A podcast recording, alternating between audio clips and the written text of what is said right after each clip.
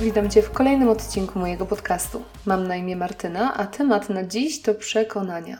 Jeżeli miałabym wskazać jedną rzecz, która najbardziej przeszkadza mi w życiu i utrudnia osiąganie przeze mnie różnych celów, musiałabym wskazać przekonania, moje przekonania. Równocześnie, jeżeli miałabym wskazać jedną rzecz, która najbardziej pomaga mi w życiu, również byłyby to moje przekonania. Co więcej, zaryzykuję stwierdzenie, że o Twoim życiu w ogromnej mierze też decydują Twoje przekonania. Dlatego uważam, że jest to turboważny temat i dlatego ja właśnie dzisiaj o nim. Henry Ford powiedział kiedyś ważne słowa: Whether you think you can or you can't, either way you are right. Czyli nieważne, czy wierzysz, że potrafisz, czy że nie potrafisz, masz rację. Przekonania determinują nasze zachowanie, wpływają na nasze decyzje i na nasze wybory, czyli budują nasze życie. W jaki sposób?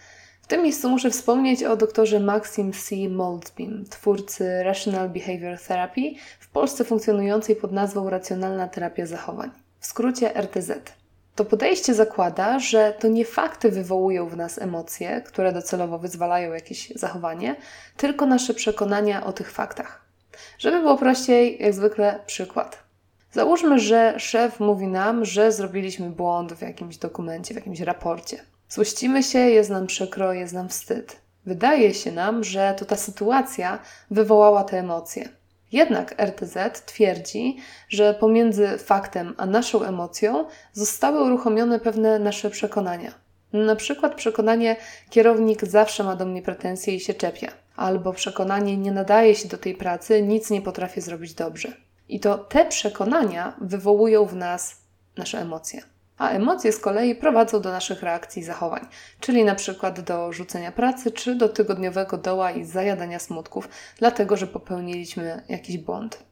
W racjonalnej terapii zachowań mówi się więc o modelu ABCD, gdzie A to zdarzenie aktywujące, czyli jakiś fakt, coś, co się wydarzyło, B to przekonania, czyli nasze myśli, C to emocje, czyli uczucia, które się w nas pojawiają, i wreszcie D to zachowanie fizyczne, czyli nasze działanie w tej danej określonej sytuacji. Przykładem tego modelu może być też sytuacja zmiany pracy. Zmiana jest A, czyli zdarzeniem aktywującym. W pracowniku aktywują się jego przekonania, czyli B. Przekonania takie jak nie poradzę sobie, na pewno zespół mnie odrzuci, poznają się na mnie, że jestem do bani i mnie zwolnią. W efekcie tych przekonań pojawiają się C, czyli uczucia lęk, złość, niepokój, smutek. To z kolei wpływa na D, czyli na zachowanie tego pracownika nowego, który z nerwów nie może spać w nocy, a w efekcie jest w pracy rozdrażniony, mniej skupiony i faktycznie może się nie wykazywać na nowym stanowisku. Oczywiście może to też pójść w drugą stronę. A, czyli zmiana pracy, uruchamia B, czyli przekonania, ale tym razem przekonania będzie świetnie, to będzie ekscytujące, poznam nowych super ludzi. I te właśnie myśli uruchamiają C, czyli emocje, takie jak ekscytacja, radość, ciekawość, otwartość na innych. Co zapewne pociągnie za sobą D, czyli zachowania, tym razem nawiązywanie rozmowy, podejmowanie się nowych zadań itd. Tak jak widzisz, na tym przykładzie sytuacja wyzwalająca, czyli A, była dokładnie taka sama ale w zależności od tego, jakie pracownik miał przekonania na temat świata i na temat siebie, ta sama sytuacja wyzwoliła skrajnie różne emocje, a w efekcie skrajnie różne zachowania. Opierając się na tych wszystkich informacjach, widzisz więc, mam nadzieję, jak ważne są te nasze przekonania. Jakieś 3-4 lata temu czytałam książkę Bena Sweetlanda pod tytułem Bogać się kiedy śpisz. I to wtedy miałam taki pierwszy aha moment związany właśnie z przekonaniami. Sweetland napisał w niej jedno bardzo ważne zdanie, które wryło mi się do mózgu tak mocno, że te 3-4 lata później nadal je pamiętam. To zdanie brzmiało: Jesteś tym, kim myślisz, że jesteś. Moim zdaniem, mega mocne stwierdzenie. I pamiętam też, że w tej swojej książce zamieścił świetną przypowieść, która idealnie to stwierdzenie obrazuje. I teraz pozwól, że Ci ją opowiem. W pewnej miejscowości żyło dwóch mężczyzn. Nazwijmy ich John i Walter. John był prostym budowniczym, któremu średnio się wiodło w życiu, ale za to był krzepkim i silnym mężczyzną, zahartowanym pracą fizyczną. Walter natomiast był uznanym biznesmenem, miał ogromny majątek, niestety jego zdrowie szwankowało. John marzył o bogactwie, Walter o zdrowiu. Do miasteczka przybył kiedyś pewien chirurg, czy raczej szaman, bo to, co im zaproponował, było czystą magią. Powiedział im, że może zamienić ich mózgi. Odtąd John będzie żył w słabym ciele, ale otoczony pieniędzmi, a Walter dostanie silne i zdrowe ciało i będzie wiódł uboższe życie. Tak bardzo zależało im na tym, co miał ten drugi, że zgodzili się na taką zamianę. Operacja się udała i mężczyźni zamienili się na życia. Po kilku miesiącach ten chirurg szaman wrócił do miasteczka, żeby zobaczyć, jak się mają jego pacjenci. Okazało się, że John, nie myśląc jak biznesmen, roztrwonił cały posiadany majątek i wrócił do biednego życia. Ale ponieważ całe życie był zdrowy i na tym zdrowiu się nie skupiał, tylko pracował fizycznie, jak do tego przywykł, i teraz, mimo początkowo słabego ciała, wyrobił mięśnie, poprawił swój stan i znowu był zdrowy. Walter natomiast, mając zmysł biznesmena, szybko wpadł na kilka pomysłów, zainwestował swój marny dobytek i pomnożył go, po kilku miesiącach znów ciesząc się bogactwem. Był jednak przyzwyczajony do oszczędzania się, do unikania wysiłku, a życie przez lata w schorowanym ciele sprawiało, że cały czas doszukiwał się ewentualnych objawów, obawiając się, że jego choroby powrócą. Nie trudno zgadnąć, że wypatrywane z taką dokładnością objawy wkrótce faktycznie zaczęły się pojawiać, będąc tylko dla niego potwierdzeniem jego własnej tezy, że choroba wróci. W efekcie mężczyźni powrócili do tego, co znali, do tego, co mieli w swoich umysłach. I teraz niektórym ta przypowiedź może się skojarzyć z prawem przyciągania i z całą filozofią New Age, a także ze stwierdzeniem, że wszystko, o czym pomyślisz, zmaterializuje się. Być może i ziarnko tego tutaj jest, ale ja osobiście myślę, że w tej przypowieści chodzi głównie właśnie o przekonania, jakie na swój temat mieli obaj mężczyźni. Przekonania, które determinowały ich akcje i zachowania i które budowały ich życia w bardzo określony sposób. Wracając do racjonalnej terapii zachowań, największy nacisk kładzie ona zatem na aktywną pracę ze swoimi przekonaniami i nawykami myślowymi. Zakłada, że jeśli często doświadczasz emocji o znaku ujemnym, i tutaj takie małe rozróżnienie, ponieważ często mówi się emocje pozytywne i negatywne. W psychologii to nie jest dobrze widziane, ponieważ no, mówi się, że wszystkie emocje są pozytywne, w sensie wszystkie emocje nam służą. Więc mówi się o emocjach o znaku ujemnym i o znaku dodatnim. I wracając, jeżeli często doświadczasz, według racjonalnej terapii zachowań, emocji o znaku ujemnym, czyli lęku, gniewu, smutku, to prawdopodobnie nosisz w sobie wiele negatywnych przekonań o sobie, innych ludziach i o świecie. I zmiana ich może z kolei znacząco poprawić Twoją jakość życia. I teraz pasowałoby zapytać, no dobra, ale które z przekonań są dla mnie niewłaściwe? No i ja myślę, że gdybyś się zastanowił czy zastanowiła nad tymi prawdami, w które wierzysz, to sam, sama najlepiej byś wskazał, wskazała te, które Ci nie służą i te, które Ci służą. Jeżeli jednak miałbyś czy miałabyś ten problem, tu na pomoc przychodzi metoda pięciu palców, czy inaczej pięć pytań zdrowego myślenia, bo i pod taką nazwą to można znaleźć. Na czym to polega? Tak, zgadłeś, zgadłaś na zadaniu sobie pięciu pytań, które są symbolizowane przez kolejne palce dłoni, żeby było łatwiej zapamiętać. I tak pierwsze pytanie, pytanie kciuka brzmi, czy to przekonanie jest oparte na faktach. I tutaj nie wiem, co ten kciuk ma symbolizować, ale on dotyczy faktów. Pytanie palca wskazującego, tego, który wskazuje nam drogę, brzmi, czy to przekonanie pomaga mi osiągać bliższe lub dalsze cele. Pytanie środkowego palca, tak zwanego fakulca, dotyczy konfliktów, czyli czy to przekonanie pozwala mi rozwiązywać konflikty lub ich unikać. Pytanie palca serdecznego, tego od obrączki, dotyczy uczuć. Czy to przekonanie pozwala mi czuć się tak, jak chciałbym się czuć? I wreszcie mały palec, i tu znów nie potrafię rozgryźć symboliki, ale mały palec to pytanie, czy to przekonanie chroni moje życie, zdrowie i poczucie własnej wartości. I teraz takie trzy podstawowe, najważniejsze informacje. Po pierwsze, zdrowe przekonania spełniają co najmniej trzy z pięciu tych zasad. I w drugą stronę, negatywna odpowiedź na trzy lub więcej oznacza, że mamy do czynienia z niezdrowym przekonaniem. Druga sprawa, zdrowe przekonania jednej osoby nie muszą być zdrowe dla innej. I wreszcie dzisiejsze zdrowe przekonania mogą być niezdrowe w innym czasie. To tak tylko dla pełnego oglądu sytuacji. I teraz, jakkolwiek warto zadawać sobie wszystkie te pytania w odniesieniu do swoich przekonań, tak dla mnie ogromną moc ma już nawet samo to pierwsze. Czy to, co myślisz o sobie, o kimś, o ludziach w ogóle, czy o świecie, faktycznie opiera się na faktach? I w tym miejscu warto wprowadzić rozróżnienie pomiędzy prawdami a faktami. Prawda to idea czy myśl, w którą dana osoba wierzy o której słuszności jest przekonana. A z prawdą jest trochę jak z racją, o której mówił Piłsudski, i tu za przeproszeniem, ale tak mówił, racja jest jak dupa, każdy ma swoją. Fakty natomiast to rzeczywistość obiektywna. Istnieją niezależnie od tego, czy my o nich wiemy, akceptujemy je, lubimy czy nie. Tak więc pozwól, że zapytam Cię teraz, w co Ty wierzysz? Jakie są Twoje przekonania? Kim ty myślisz, że jesteś? Jaki czy jaka myślisz, że jesteś? Jakie prawdy o sobie i świecie przyjęłaś czy przyjąłeś od innych, rodziców, nauczycieli, nawet jeszcze w dzieciństwie? W jakie prawdy o sobie uwierzyłaś czy uwierzyłeś bezkrytycznie? I wreszcie, czy te wszystkie przekonania są oparte na faktach i czy ci służą? Nie byłabym sobą, gdybym nie podparła się tutaj własnym doświadczeniem, oczywiście, więc teraz będzie parę minut prywaty, możesz przewinąć, jeśli Cię moje życie nie interesuje. Jednym z moich dużych przekonań przez większość życia było to, że mam słomiany zapał i dużo rzeczy zaczynam, ale niczego nie kończę. Usłyszałam coś takiego kilka razy, w tym od znaczącej osoby, no i przyjęłam to za pewnik.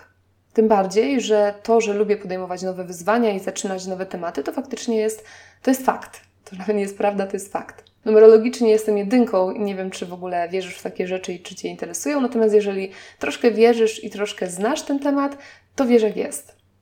I ja w takim przeświadczeniu, że jestem leniem, który nie potrafi w niczym wytrwać, żyłam przez wiele lat. I niestety mocno to rzutowało na moje życie. Choćby na moją walkę z kilogramami.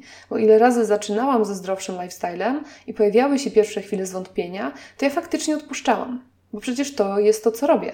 To jest to, jaka ja jestem, prawda? No właśnie nie. Bo kiedy zaczęłam się zastanawiać nad tym przekonaniem i przyjrzałam mu się porządnie, to wyszło mi, że ja wcale nie jestem typem poddającym się. I ta prawda, że jestem leniem i mam słomiony zapał, to jest tylko czyjaś prawda, czyjaś opinia wręcz, a to nie jest fakt. I świetnym przykładem tutaj są konie. I tak swoją drogą to chyba widać, że ja już tęsknię za stajnią, bo już drugi raz w tym tygodniu o nich wspominam. Ale to jest dobry przykład, więc daj mi go opowiedzieć. Pierwszy raz na konia wsiadłam w wieku 6 lat. Ostatniego na ten moment swojego konia sprzedałam mając lat 29 ze względów totalnie czasowo-finansowych. Po prostu nie dawałam rady poświęcić mu tyle czasu, ile potrzebował i utrzymać go po przeprowadzce do Warszawy, gdzie ceny za utrzymanie konia w stajni są szalone. To oznacza, że z końmi byłam związana przez 23 lata. 23 lata, podczas których byłam kopana wielokrotnie, gryziona wielokrotnie, ponoszona notorycznie. 23 lata, podczas których spadałam z koni setki razy. Dosłownie setki. I to nie jest zupełnie przesada. Zwłaszcza kiedy się uczyłam galopować jeszcze za dzieciaka, ja naprawdę spadałam za każdym jednym razem. Przez ten czas raz się połamałam, tak poważniej, a w szpitalu łącznie wylądowałam trzy razy. Miałam przez konie spalone dłonie, liną, bo mi przyciągnął koń e, liną po rękach i miałam spalone calusieńkie dłonie od wewnątrz, oprócz kciuków. Miałam siniaki i wszelkie inne obrażenia we wszystkich możliwych miejscach. I autentycznie, przez to, że przez większość czasu miałam pod opieką młode i niewychowane konie, ja się mega bałam momentami. A mimo to szłam do stajni, dbałam, czyściłam o konie, wsiadałam na nie, uczyłam jej siebie na ile umiałam i ja nie poddałam się ani raz przez te 23 lata. I podobnie jest z tematem mojego biznesu fotograficznego. Prowadzę go od 8 lat i naprawdę momentami było kiepsko. Jak nikt znam sytuację, kiedy się idzie do sklepu po jogurt i bułki i się dodaje ceny w głowie, żeby nie przegiąć i żeby nie było wstydu przy kasie. Serio. Byłam w takim położeniu i to nie raz, nie dwa. A kiedy w mojej rodzinnej miejscowości, gdzie zaczynałam mój biznes, wszystko zaczęło się układać, to ja się przeprowadziłam do Warszawy za miłością i zaczęłam od początku. I znowu było cholernie ciężko. A kiedy w stolicy zaczęło mi się wreszcie układać, to przyszedł COVID. A za chwilę, jak to wszystko się uspokoi, miejmy nadzieję, to ja znów planuję przeprowadzkę. Chociaż tu już akurat mam nadzieję, że nie będę musiała startować tak całkiem od zera. I całej sytuacji dodaje smaku to, że moi rodzice są przedsiębiorcami i mają swoje firmy. I ja bardzo teoretycznie od samego początku mogłam po prostu zatrudnić się w którejś z nich i mieć święty spokój. Ale w imię spełniania swoich marzeń i życia po swojemu nigdy tego nie zrobiłam. I teraz nie mówię Ci tego wszystkiego, żeby, nie wiem, chwalić się, czy po to, żeby ktoś mnie klepał po ramieniu za wytrwałość. Mówię o tym, ponieważ to było dla mnie objawieniem, jak bardzo rozmijały się moje przekonania na mój własny temat z faktami, których dostarczyło mi moje życie. I znów właśnie prawda, a fakty. Moją prawdą było to, że się poddaję i mam słomiany zapał. A fakty pokazywały, że kiedy się na coś uprę, to ja jestem nie do starcia, jestem niezłomna. I uświadomienie sobie tego naprawdę otworzyło mi oczy i dało mi tak niesamowitego powera, choćby do tej walki z wagą, że sobie nie wyobrażasz. Bo ja nagle zaczęłam myśleć o sobie jako o kimś, kto się nigdy nie poddaje i kto jest naprawdę mega silny. I zdecydowanie łatwiej mi się teraz odchudzać, rozwijać biznes, czy nawet kontynuować tworzenie tego podcastu, odkąd moim przekonaniem jest to, że to, czego chcę, mogę osiągnąć, bo wiem, że ja się nie poddam. Więc teraz znów, jeszcze raz, w co ty wierzysz? Jakie przekonania na swój temat w sobie nosisz? Jakie przekonania na temat świata, na temat innych ludzi, na temat związków, pieniędzy, całej reszty? Jakie przekonania w sobie nosisz? W co wierzysz i czy to, w co wierzysz, jest oparte na faktach? Czy jesteś taki faktycznie, jak ktoś kiedyś powiedział ci, że jesteś? Czy może jednak Twoje życie i fakty z Twojego życia pokazują inaczej? Zastanów się nad tym. I teraz, tak w sumie na koniec trochę, bo chyba to do tej pory nie zostało jasno powiedziane. Jak można zmienić swoje negatywne przekonania? Jak Ty masz zmienić w sobie te przekonania, w które wierzysz, a które Ci nie służą? Odpowiedź brzmi świadomie zastępując je innymi pozytywnymi. Nie jest to łatwe, wiem, ale jest wykonalne. Jak konkretnie możesz to zrobić? Na przykład wypisując sobie na kartce wszystkie swoje negatywne przekonania, które przychodzą ci do głowy na temat ludzi, świata, pieniędzy, miłości, siebie samego czy siebie samej. A następnie próbując je zastąpić pozytywnymi odpowiednikami. I tutaj mega ważna uwaga, ponieważ badania pokazują, że popularne afirmacje, czyli właśnie takie pozytywne zdania, często powtarzane czy przepisywane, nie za bardzo działają ponieważ umysł ma trudność przyjęciu zdania kompletnie nieopartego na rzeczywistości. Jeśli więc Twoim przekonaniem jest nie potrafię publicznie przemawiać, powtarzanie sobie jestem świetnym mówcą i porywam tłumy raczej nie zadziała, choćbyś to powtarzał codziennie przez pół roku albo rok. To, co za to może zadziałać, to raczej przekonanie, przemawianie to umiejętność, której można się nauczyć i ja również mogę stać się w niej lepszy, jeśli zechcę. Jak widzisz, jest to dużo bardziej racjonalne przekonanie, takie, które raczej Twój umysł, czy mój umysł, jest w stanie przyjąć i nie będzie tak bardzo z tym dyskutować, bo jest to coś takiego na logikę prawdziwego. Więc kiedy będziesz tworzyć swoje pozytywne przekonania, spróbuj się w nie wczuć i sprawdź, czy w Twoim odczuciu one są ok i czy jesteś w stanie je przyjąć za prawdziwe, czy może masz ochotę prychnąć na sam ich dźwięk. Spoiler alert: prychnięcie oznacza, że musisz poszukać dalej jakiegoś innego przekonania. Okej, okay, uff, i chyba tyle na dziś. Rozgadałam się niesamowicie, ale przekonania to temat, który ogromnie mnie interesuje i którego znajomość bardzo dużo zmieniła w moim życiu.